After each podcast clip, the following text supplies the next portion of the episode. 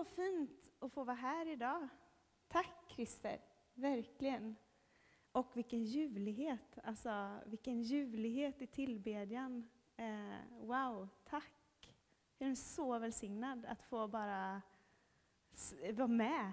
Ja, tack.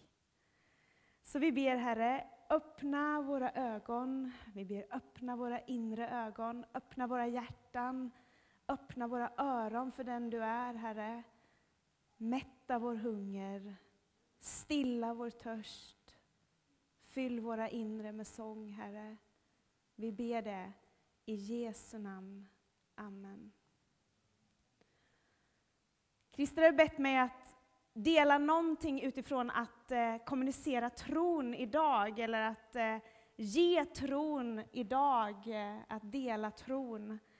Och tack för din inledning. Jag tänker att det verkligen stämmer att om vi hade haft samma målmedvetenhet som man har när man är 55-årig man och ska köra Vasaloppet, liksom. om man hade gått in med samma nitiskhet, då hade vi sett många fler komma till tro. Eh. Trons rörelse, hur ger vi tron vidare? Den verkar vara sån att den är hela tiden från en person till en annan person. Alltså trons rörelse verkar handla om ett du, ett stort du. Så därför när vi tänker på att kommunicera tron idag, så behöver vi inte fastna i kunskapsförmedling.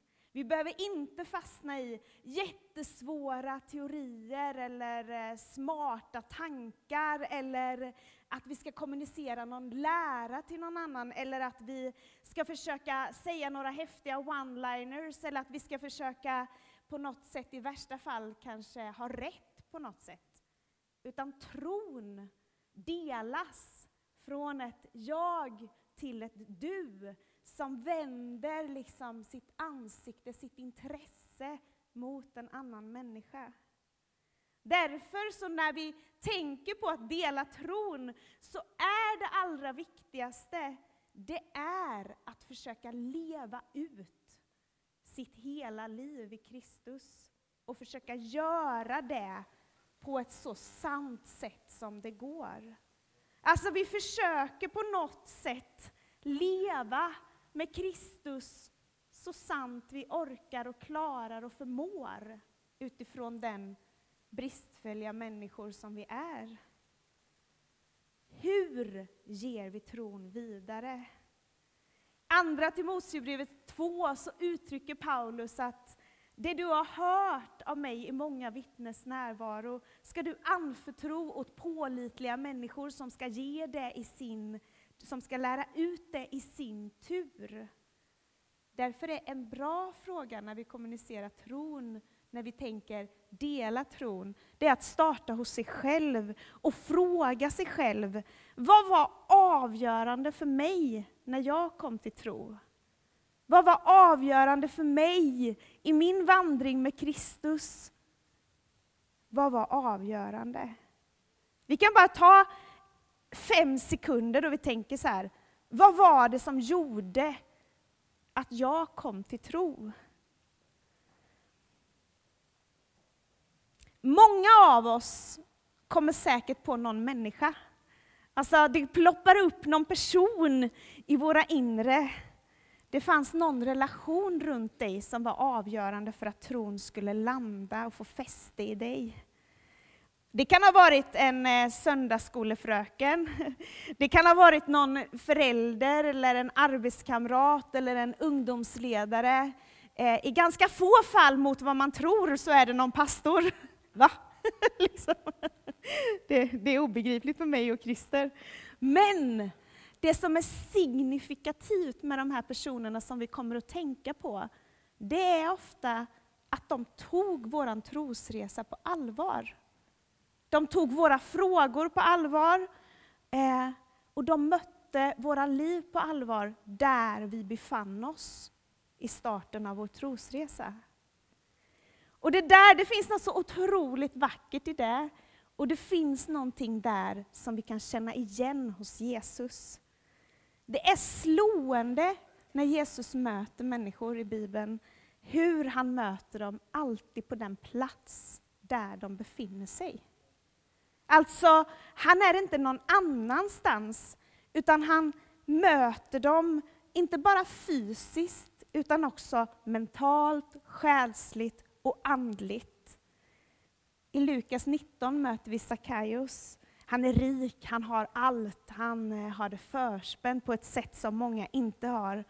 Men han är så liten. Och han vill så gärna se Jesus. Den här känslan lever jag ofta med när jag kläms in mellan långa herrar och hamnar liksom alltid i armhålehöjd. det är så jobbigt alltså. Han vill så gärna se Jesus. Så han klättrar upp i träd. Och där uppe så sitter han och myser liksom. Nu ser jag allt och jag har allt och jag är rik. Och så fattar han inte, vad är det som har en sån dragningskraft att han till och med kan nedlåta sig till att klättra upp i träd och sitta där uppe. Och så går Jesus förbi och hittar honom och ropar på Sackaios. Sackaios! Kom ner där uppifrån från dina höga hästar och dina göddiga läror och allt som du liksom tror att du vet och allt som du tror att du har. Kom ner därifrån nu. Jag ska gästa ditt hem. Han möter den blinda mannen som han frågar, vad vill du att jag ska göra för dig? Vad vill du? Vad vill du på den plats där du är med ditt liv just nu? Vad vill du? Fråga Jesus. Han möter den samariska kvinnan vid brunnen och säger sanningen om hennes liv hennes nu, där hon befinner sig. Och där startar hennes trosresa. Inte någon annanstans. Inte i Mora, inte i någon målbild av hur det skulle bli, utan där på den platsen där hon befinner sig. När vi tänker, pratar om, längtar efter att ge tron vidare, så behöver vi befinna oss där människor är. Vi behöver vara på deras platser i deras nu. Och då blir ju en inledande fråga, var befinner sig människor i den här tiden? Vad behöver människor i den här tiden? Var skulle Jesus ha gått någonstans om han hade bott här i Enköping nu i mars i den här tiden? Och det där utmanar oss så mycket. Det utmanar ens hjärta, ens längtan, ens blick. Jag var med om en väldigt uppmuntrande sak på tåget igår. Jag åkte från, eh, från andra hållet, från Stockholm, och skulle åka hem. Och sitter eh, bredvid ett par. Eh, och jag tänker ganska inledningsvis, när jag ser dem redan, så tänker jag, de är nog kristna, tänker jag. Och det var en, en väldigt positiv känsla men och jag sitter inne i min grej och eh, ja, när man är småbarnsförälder, jag har en ettåring, eh, en ett och ett halvt-åring och en treåring, så tar man ju alla möjligheter att få vara lite i fred, så jag, jag sitter i min lilla bubbla där. Liksom. Eh, men sen när det är ungefär en kvart kvar på resan, då börjar de liksom söka mitt eh, intresse så och eh, eh börja dela tron. på ett väldigt fint och väldigt mjukt sätt så berättar de, ja, ja, vad ska du göra imorgon? Och vi tillhör en kyrka. Och liksom, eh, ja, hon, den kvinnan berättar om en egen erfarenhet som hon har av Gud. Och, eh, jag blev så uppmuntrad att, att liksom de tog sig, bemödade sig att dela tron. Eh, och att de tog det modet och tog det klivet liksom, eh, in i min bubbla att de vågade liksom sträcka sig utanför sitt eget, störa mig lite. Oh, det var så uppmuntrande, så det var en sån fin liten slutkläm där på resan. Jag berättar såklart att jag, men jag, är, jag är kristen också, och jag är pastor och eh, jag jobbar med ledare och pastorer och, eh, ja, och fick uppmuntra dem tillbaka. Att, eh, tack för att ni eh, gjorde det, tog det steget. Vi lever i en tid där ganska många av oss och människor runt oss också, vi är medvetna om att det går inte liksom att bygga bara på det materiella. Det går inte att bara leva ett lyckat liv. Det går inte att bygga på något som man kan kontrollera. Det kommer inte räcka det som vi själva kan hålla i. Det tror jag att ganska många i vår tid ändå är medvetna om. Den här tiden är så orolig för många människor och så fragmentiserad. Den är så liksom splittrad och uppdelad. Och där kan vi få dela tron. Du och jag och våra gemenskaper. Och jag skulle säga att det är ett smashläge. Det är öppet mål. Det finns så mycket längtan och så stora behov.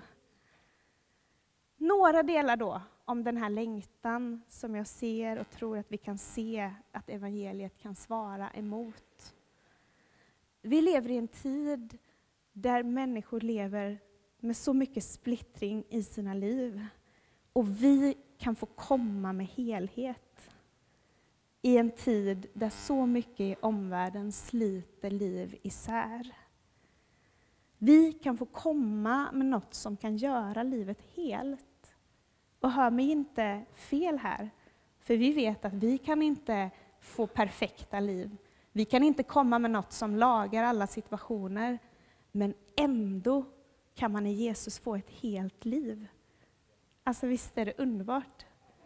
När jag blev kristen, då var jag 19 och gick sista året på gymnasiet. Det var tre stycken sådana riktiga frikyrkotjejer som delade tron med mig i min klass. Eh, och de är vänner till mig fortfarande. Eh, och jag, blir så, jag blir så otroligt gripen av att tänka på dem, för att det var liksom inget märkvärdigt liksom med, med dem. De var helt vanliga tonåringar. Det fanns inget som liksom stack ut, eller de hade inte någon sensationell berättelse. Men de hade någonting i sitt liv som andades ut den här helheten.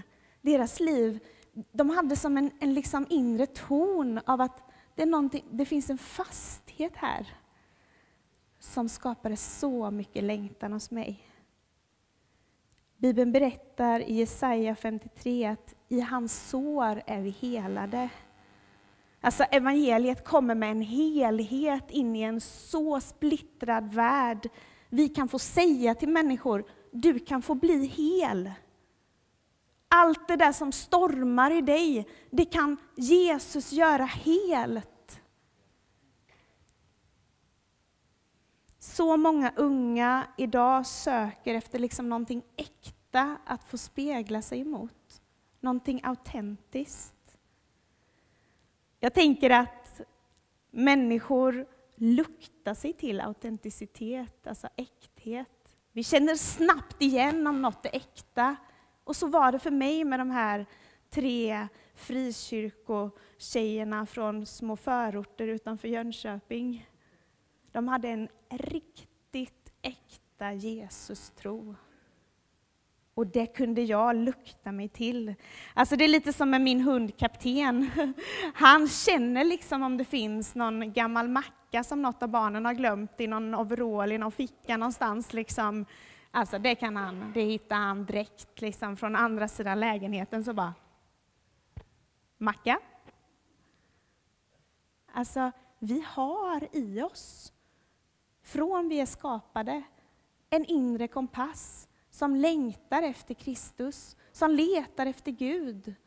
Och den kan vi få resonera med hos människor runt oss. Men jag tänker att här finns det en grej som är lite tipping point och det handlar om att det står att i hans sår är vi helade. Att någonstans i det sårade uppstod ett möte. Alltså vi är jämlikar, vi är likar med människor runt omkring oss. Vi är inte några för mer, bättre eller perfekta och inte allt för sällan så har ju vi som kristna och kyrkor gått lite fel här. Alltså vi har i all vår välmening för att representera Kristus, eh, har vi försökt upprätthålla så att vi nästan liksom spricker. Liksom, oh, vi måste, hur ska vi klara av och hur ska vi... Men det där, det, perfekthet, det skapar distans. Men sår mot sår, där uppstår det ett möte. Min mamma, hon är inte troende än i alla fall, Eh, hon är en underbar person. Hon är kraftfull och härlig och rolig och sanningssägare. Hon, hon brukar ofta dela eh, ord från Gud till mig utan att hon vet om det, för det handlar om att hon letar efter det som är sant. Och så hittar hon det och så säger hon det. Vi behöver låta nåden spelar roll för våra liv, våra egna liv. Du behöver nåden. Jag behöver nåden. Vi måste våga leva så nära människor och låta människor leva så nära oss så att vi bygger en kultur där det syns att vi är frälsta av nåd. I hans sår är vi helade. Jesus han säger till människorna runt Sackaios när de liksom sitter och bara, men vad gör han? Ska han gå hem till honom? Han har, de vet ju inte, han vet ju inte. Man kan bara se, höra det där surret. Liksom. Man känner igen de där rösterna, både utifrån och inifrån sig själv. Eh, va? Ska han ta in hos honom? Va? Men det, alltså det, de vet, han har nog inte hört. Han har, han har, jag tror om han visste om då skulle han nog inte, men, nej, men jag säger ingenting för då har jag ingenting sagt. Så jag, nej, nej, det säger jag ingenting om. Nej. Alltså, alltså jag menar inte att säga någonting. Utan. Jesus säger till människorna runt Sackaios, Människosonen har kommit för att söka efter det som var förlorat och rädda det. Vi har någonting som kan möta människors längtan efter helhet, ett helt liv. Ett liv som hänger ihop, ett hemma, en autenticitet, någonting som berättar. Du såg mig innan jag föddes. I din bok var de redan skrivna, de dagar som har formats innan någon av dem hade grytt. Du såg mig. Alltså wow. Psalm 139. Vi kommunicerar också tron in i en tid, i samtiden, där elitism är ett ganska rådande värde. Alltså, vi premierar det starka, det som funkar, det effektiva. Gör dig av med sådana här människor som stjäl energi ifrån dig, ta bort dem, bort med det, liksom bort. Mitt i den kulturen får vi leva ut en tro som berättar om en gemenskap där alla behövs. Det är underbart att se er, eftersom det är en sån bredd av människor. Man blir så glad inne i sig själv. Alla behövs. Alla delar. Gamla, unga, sjuka, friska, rika, trötta, långa, korta. Alla etniciteter, alla socioekonomiska grupper. Tillsammans så bildar vi en helhet som berättar någonting om Kristus, säger ordet. Alltså, Tillsammans med alla de heliga kan ni förstå längden, bredden, höjden, djupet och lära känna Kristus. Det får vi berätta för människor i en tid som verkligen, där det verkligen klyftorna ökar, där det verkligen är skillnad på folk och folk. Där segregeringen är så stor och utanförskapet faktiskt ökar för människor. Där får vi berätta välkommen med i en familj, i en grupp av människor, där vi stör oss på varandra, där vi inte orkar med varandra alltid, men vi ändå hör ihop för vi förenas i Kristus, någonting större.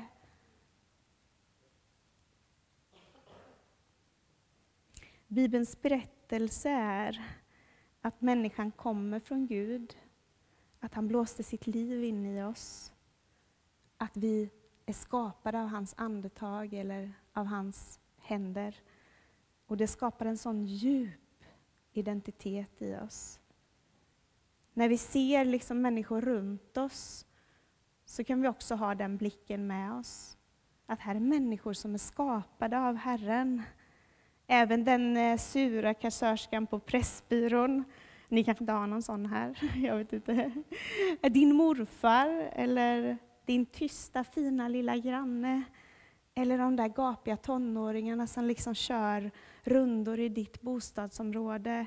Alltså vi får ha den blicken för människor, att det här är människor skapade av Gud.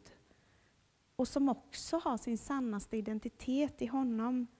Hur olika vi än blir honom ibland, så är det sanningen om våra liv. Gud skapade människan till sin avbild. Ibland har vi som församlingar eller kyrka gjort en liten, liksom, jag vet inte, tankevurpa kanske man kan kalla det, som gör att det skapar ganska mycket distans mellan oss och människor runt oss. Får se om ni känner igen er. Men ibland så är det som att vi i kyrkan talar som att vi är skapade och så är vi frälsta och sen faller vi, men vi är ju inte mer än människor. Men egentligen så är det ju så att vi är, vi är först skapade, fallna och sen frälsta av nåd. Och det blir en annan rörelse beroende på från vilket håll vi tittar. Då kanske ni tänker, bara, är inte det här bara ordvrängeri? Bara, ja, men det kanske det är just här nu. Men det som vi tror, det blir det vi lever ut och det är det vi läcker ut sen. Så det spelar stor roll det här kan göra oss till främlingar i vår samtid. Det är det som också gör de andra till de andra, men medan som vi tänker att vi är alla människor skapade av Gud, som sen har fallit och sen blir frälsta, då ställer det oss på samma arena, samma planhalva som precis alla andra som också är i behov av nåden. Det skapar identifikation. Och jag tänker att vi är nära människor. Vi är inte långt borta från människor. Det är sant om oss att vi är de utvalda, vi är de heliga, vi är de som eh, liksom är kallade att leva ut Kristi fullhet. Men det är också sant om oss att vi är människor frälsta av nåd. Kallade att leva autentiska liv som människor kan spegla sin brottning emot inte kallade att leva perfekta liv. Det kan man inte spegla någonting emot. Utan vi brottas precis som alla andra och i den brottningen kan människor lära känna Gud. Skillnaden är ju bara att vi har någonstans att gå med vår brottning. Lycklig den som kan gå med sin brottning till Herren. Vi är inte utelämnade. Och det fyller mig med massa frågor. Alltså hur kan vi träna oss själva att ha mod att leva öppnare liv? Hur kan vi träna oss i våra gemenskaper att våga leva liv närmre människor runt oss? Hur kan vi kommunicera tron med äkthet? Och hur kan vi behålla det här höga människovärdet? Varje människa unikt skapad till Guds avbild. Vi flyttade till Örebro när Nor, vår dotter, var en vecka. Jag rekommenderar inte att flytta när man har en bebis som är en vecka. Man är, eh, man är, jag är så trött, bara, får man säga. Eh, jag sitter på BVC och ska göra en sån här vanlig liksom, kontroll av bebisen. Och, så här. och jag är så trött. Alltså, jag känner mig som eh, jag vet inte, en ur vid en disktrasa typ. Och jag sitter liksom och bara så här, Jesus, vem är jag? Och så sitter det en mamma bredvid som vänder sig till mig och så säger hon så här, oj, ja, sover ni lite dåligt? Det ser ut som du eh, är lite trött. Och så öppnas det som ett möte. Hon berättar så här, ah, ja, jag vet, ja, vi, har, vi har sovit jättedåligt och det känns jättejobbigt med det här och det är så omtumlande när man får sitt andra barn. Och hon, hon är så generös. Och det blir som en plats för min brottning liksom att stillas emot. Och jag tänker mig att vi var och en, alla vi, kan få vara sådana platser för människor runt oss. Jesus han säger till Sackaios, skynda dig Sackaios. Jag ska gästa ditt hem. jag tänker att den här tiden vi lever i, där det finns så mycket sociala behov också runt oss, att vi är världsbäst i den här tiden. Vi som kyrka och församling. Att den här sociala nerven i våra sammanhang, den är så stark och det är någonting som vi kan vara så stolta över. En kyrka som funkar har alltid ställt sig på de utsatta sida och varit en röst för rätten in i samtiden. Slutit upp kring de förföljda, de som lider, de som brottas. Det finns ju jättemånga exempel att nämna här. Men eh, jag tror att det finns stora öppningar för oss i den här tiden. Förra året vid den här tiden så tog vi emot eh, flera bussar med ukrainska flyktingar eh, till Hjälmagården. Och vi fick göra en liten, liksom, vad ska man säga, snabb, eh, ja, vad ska man kalla det, eh, ommöblering för att hitta platser för alla de här människorna att få bo hemma hos familjer. Eh, och på några veckor, tre veckor max, så var det hundra familjer i vår region som anmälde att jag kan ta emot någon hemma hos mig på minst två, tre månader och kanske längre. Vilken typ av rörelse kan göra så? Och då pratar jag liksom inte om EFK här, utan jag pratar om Guds församling. Jag tänker att det finns något i vårt DNA, de vi är. Skynda dig ner Sackaios, jag ska gästa ditt hem. Kom nu, nu liksom ställer vi om för att öppna våra liv för nya människor. Och jag tänker att i en sån tid när behoven ökar, så kommer vi få leva i det som vi är skapade för att göra. Att finnas för människor. Det är lätt att gå vilse i den här perfekta världen, att eh, allt måste vara perfekt innan vi kan ta hem någon. Eh, allt måste vara i ordning, allt måste vara fixat. Och, eh, jag hörde en hemgrupp som bestämde att eh, i deras hemgrupp fick man bara servera pasta med pesto, för att annars så ballade ur hela tiden alla vad de skulle bjuda på. Och då tog de det som en regel tillsammans, bara pasta och pesto. Det är ju verkligen en enkel måltid, alltså pasta och pesto. det är gott. Ja. Vi kan inte vänta på att allt ska vara perfekt eller komma i ordning, om det så i våra hem eller våra liv eller våra, våran tro, att den ska bli välformulerad eller perfekt innan jag börjar dela den. Eh, då kommer det aldrig att hända. Och vi har ju många sådana drömmar som aldrig händer. Jag tänker ibland så att ja, men jag är en sån person som bakar bröd. Men det var ju väldigt länge sedan det hände alltså. Det är säkert någon här som tänker att ja, men jag är en sån person som åker Vasaloppet, men eh, ja, skynda dig. vi behöver komma i rörelse. Alltså vi får inte bli sådana som tänker att vi är sådana som bjuder hem människor. Eller vi är sådana som delar tron, utan vi måste komma i rörelse.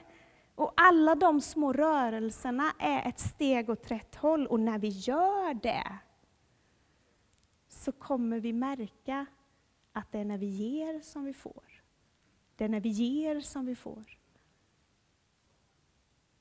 Jag tycker att jag upplevde i lovsången här innan idag att eh, jag brukar be liksom när jag ska till olika sammanhang, så har du någonting Herre som är till församlingen?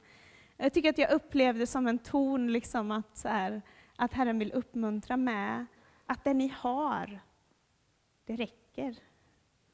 Det ni har, det räcker, bara börja ge det ut. Liksom. Det ni har. Det du har, det räcker. När jag var på min resa för att lära känna Jesus för första gången så blev jag hembjuden till en kristen familj.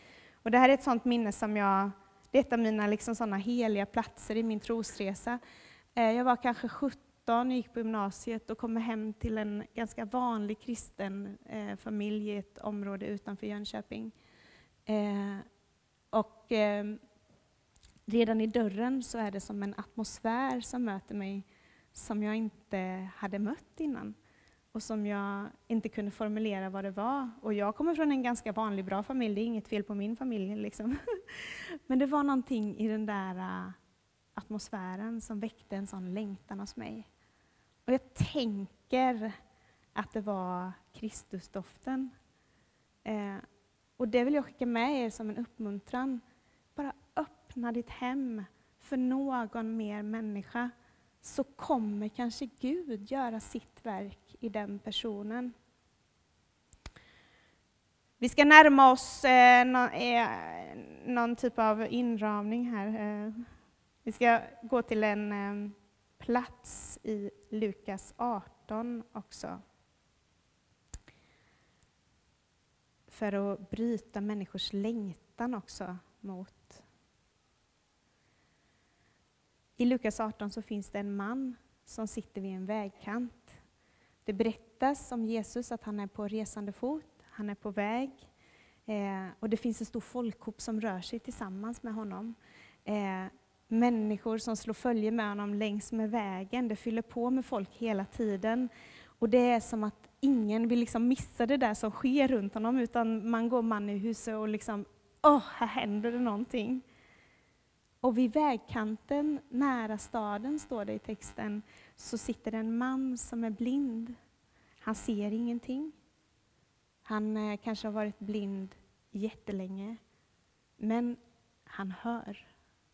Han hör med sina öron och han har säkert tränat sina öron för att känna igen olika sällskap av människor. Ofta är det så att någonting i oss kompenserar, så han hör ljudet från människorna som kommer gående. Han hör sålet av deras liksom samtal. Han hör tonen i samtalet och troligen så var det också så att han hade tränat sig i, behövt träna sig på att här är värt att tigga av den här gruppen av människor, men den här gruppen, det är inte så värt. Och nu hör han att det händer någonting som är annorlunda att det är något annorlunda med den här mannen som kommer gående. Och så ropar han, står det i texten. Han ropar Hallå! Jesus! Här sitter jag. Hallå! Hallå Jesus! Och så frågar han dem runt omkring. Vem, vem, är, vem är det som kommer? Och så berättar de. Och sen så står det i texten att de runt omkring så här hyschar mot honom. Shh! Tyst nu! Det här handlar inte om dig. Tyst nu!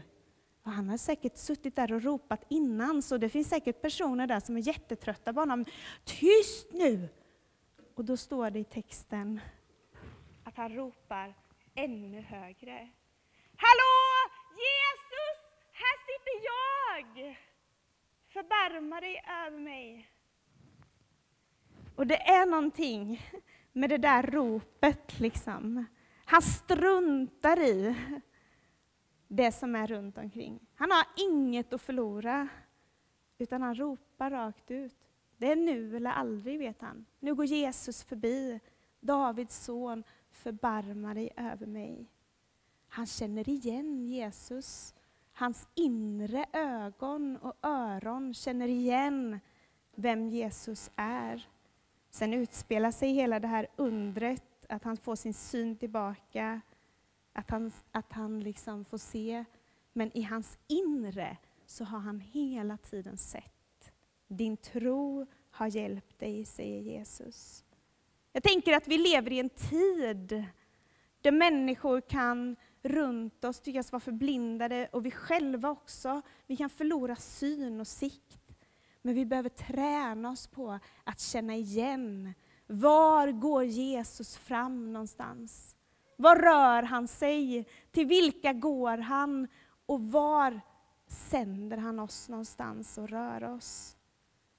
Ni ska få kraft när den helige Ande kommer över er och ni ska vittna om mig i hela Jerusalem, och Judeen och Samarien och ända till jordens yttersta gräns. Att dela tron handlar i slutändan om att liksom ta sig utanför sig själv och gå till någon annan. Till det här duet som jag pratade om i början, att sträcka sig ut för någon annan. Och det där är vårt signum. som församlingar och som kristna, att vi är gränsöverskridande.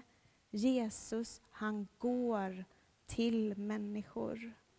Och det där kan kalla oss ut ur våra bekvämlighetszoner. Det kallar oss ut i situationer där vi kanske känner oss jätteobekväma. Men det kallar oss också ut i, i situationer där vi får bli de vi är tänkta att vara. Vi kommer bli det vi är skapade för när vi vågar dela tron med andra människor. Jag kan inte tänka mig något bättre liksom, än att få bli det ännu mer det vi är tänkta att vara. Till sist då, att kommunicera tro och dela tro i den här tiden handlar också om att gå ut till den här världen med ett budskap om hopp. Och I Romarbrevet 5 så läser vi Hoppet sviker oss inte, till Guds kärlek har ingjutits i våra hjärtan genom att han har gett oss den helige Ande. Det är så utmanande i samtiden för så många av oss. Och här kan vi få komma med hopp, ett större hopp. Ett hopp som inte är uddlöst, utan som har en bra grund. Ett hopp som är ingjutet, säger Romarbrevet också. Att genom den helige Ande så är det ingjutet i våra hjärtan. Så skulle det så vara att hela omvärlden skenar i liksom skräcken över, tappa kontrollen över och eh, om elpriserna går upp ännu mer och maten blir ännu dyrare och vi får sänka vår levnadsstandard ännu mer eller om vi hamnar i krig eller vad vi än kommer hamna i så får vi påminna oss om att vi aldrig haft kontrollen. Det är det vi bekänner varje söndag. Vi kommer hit och så säger vi Du är Herre, inte jag. Du är Herre, inte jag. Och det finns så otroligt mycket hopp i det. Och tröst. Känn ingen oro, bekymra er inte, var inte rädda, men lycklig den som kan gå till Herren med sin brottning. Eller hur? Vi behöver inte leva perfekta liv.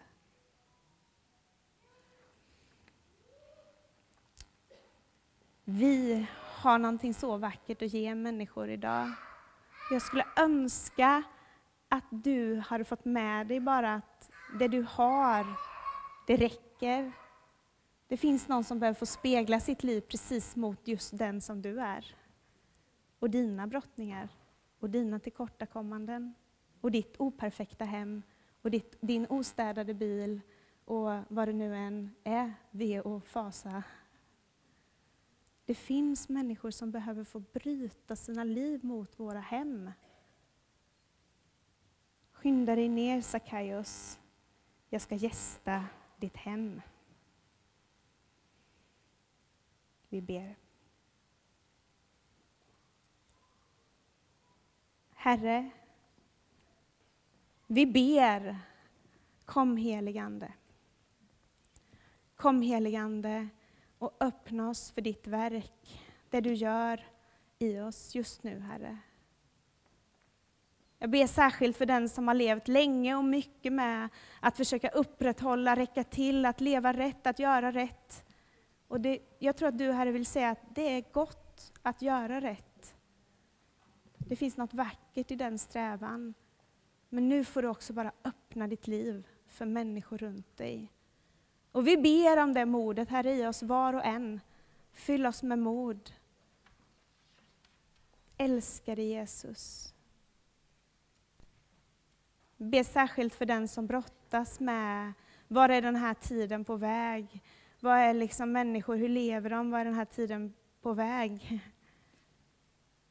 Jag tror Herren vill uppmuntra dig med att eh, det kommer räcka att du lever ett heligt liv. Det kommer synas, det kommer väcka längtan, det kommer spilla ut. Därför ber vi det här att vi ska få leva heliga liv, liv som behagar dig, hela liv. Vi ber dig Jesus. Fyll oss med din Ande, Herre. Så vill jag sist också bara be för den som upplever att jag har inget att ge. Jag har ingen spännande berättelse, jag har inget spännande liv. Jag, jag har, vi ber Herre. Tack för att du vill fylla på att du vill säga, jag behöver dig. Vanliga människor som du behöver jag. Det ber vi Herre. Väck dig i oss Jesus. Mod, tro, hopp. Att få ge det bästa vi har Herre. I Jesu namn. Amen.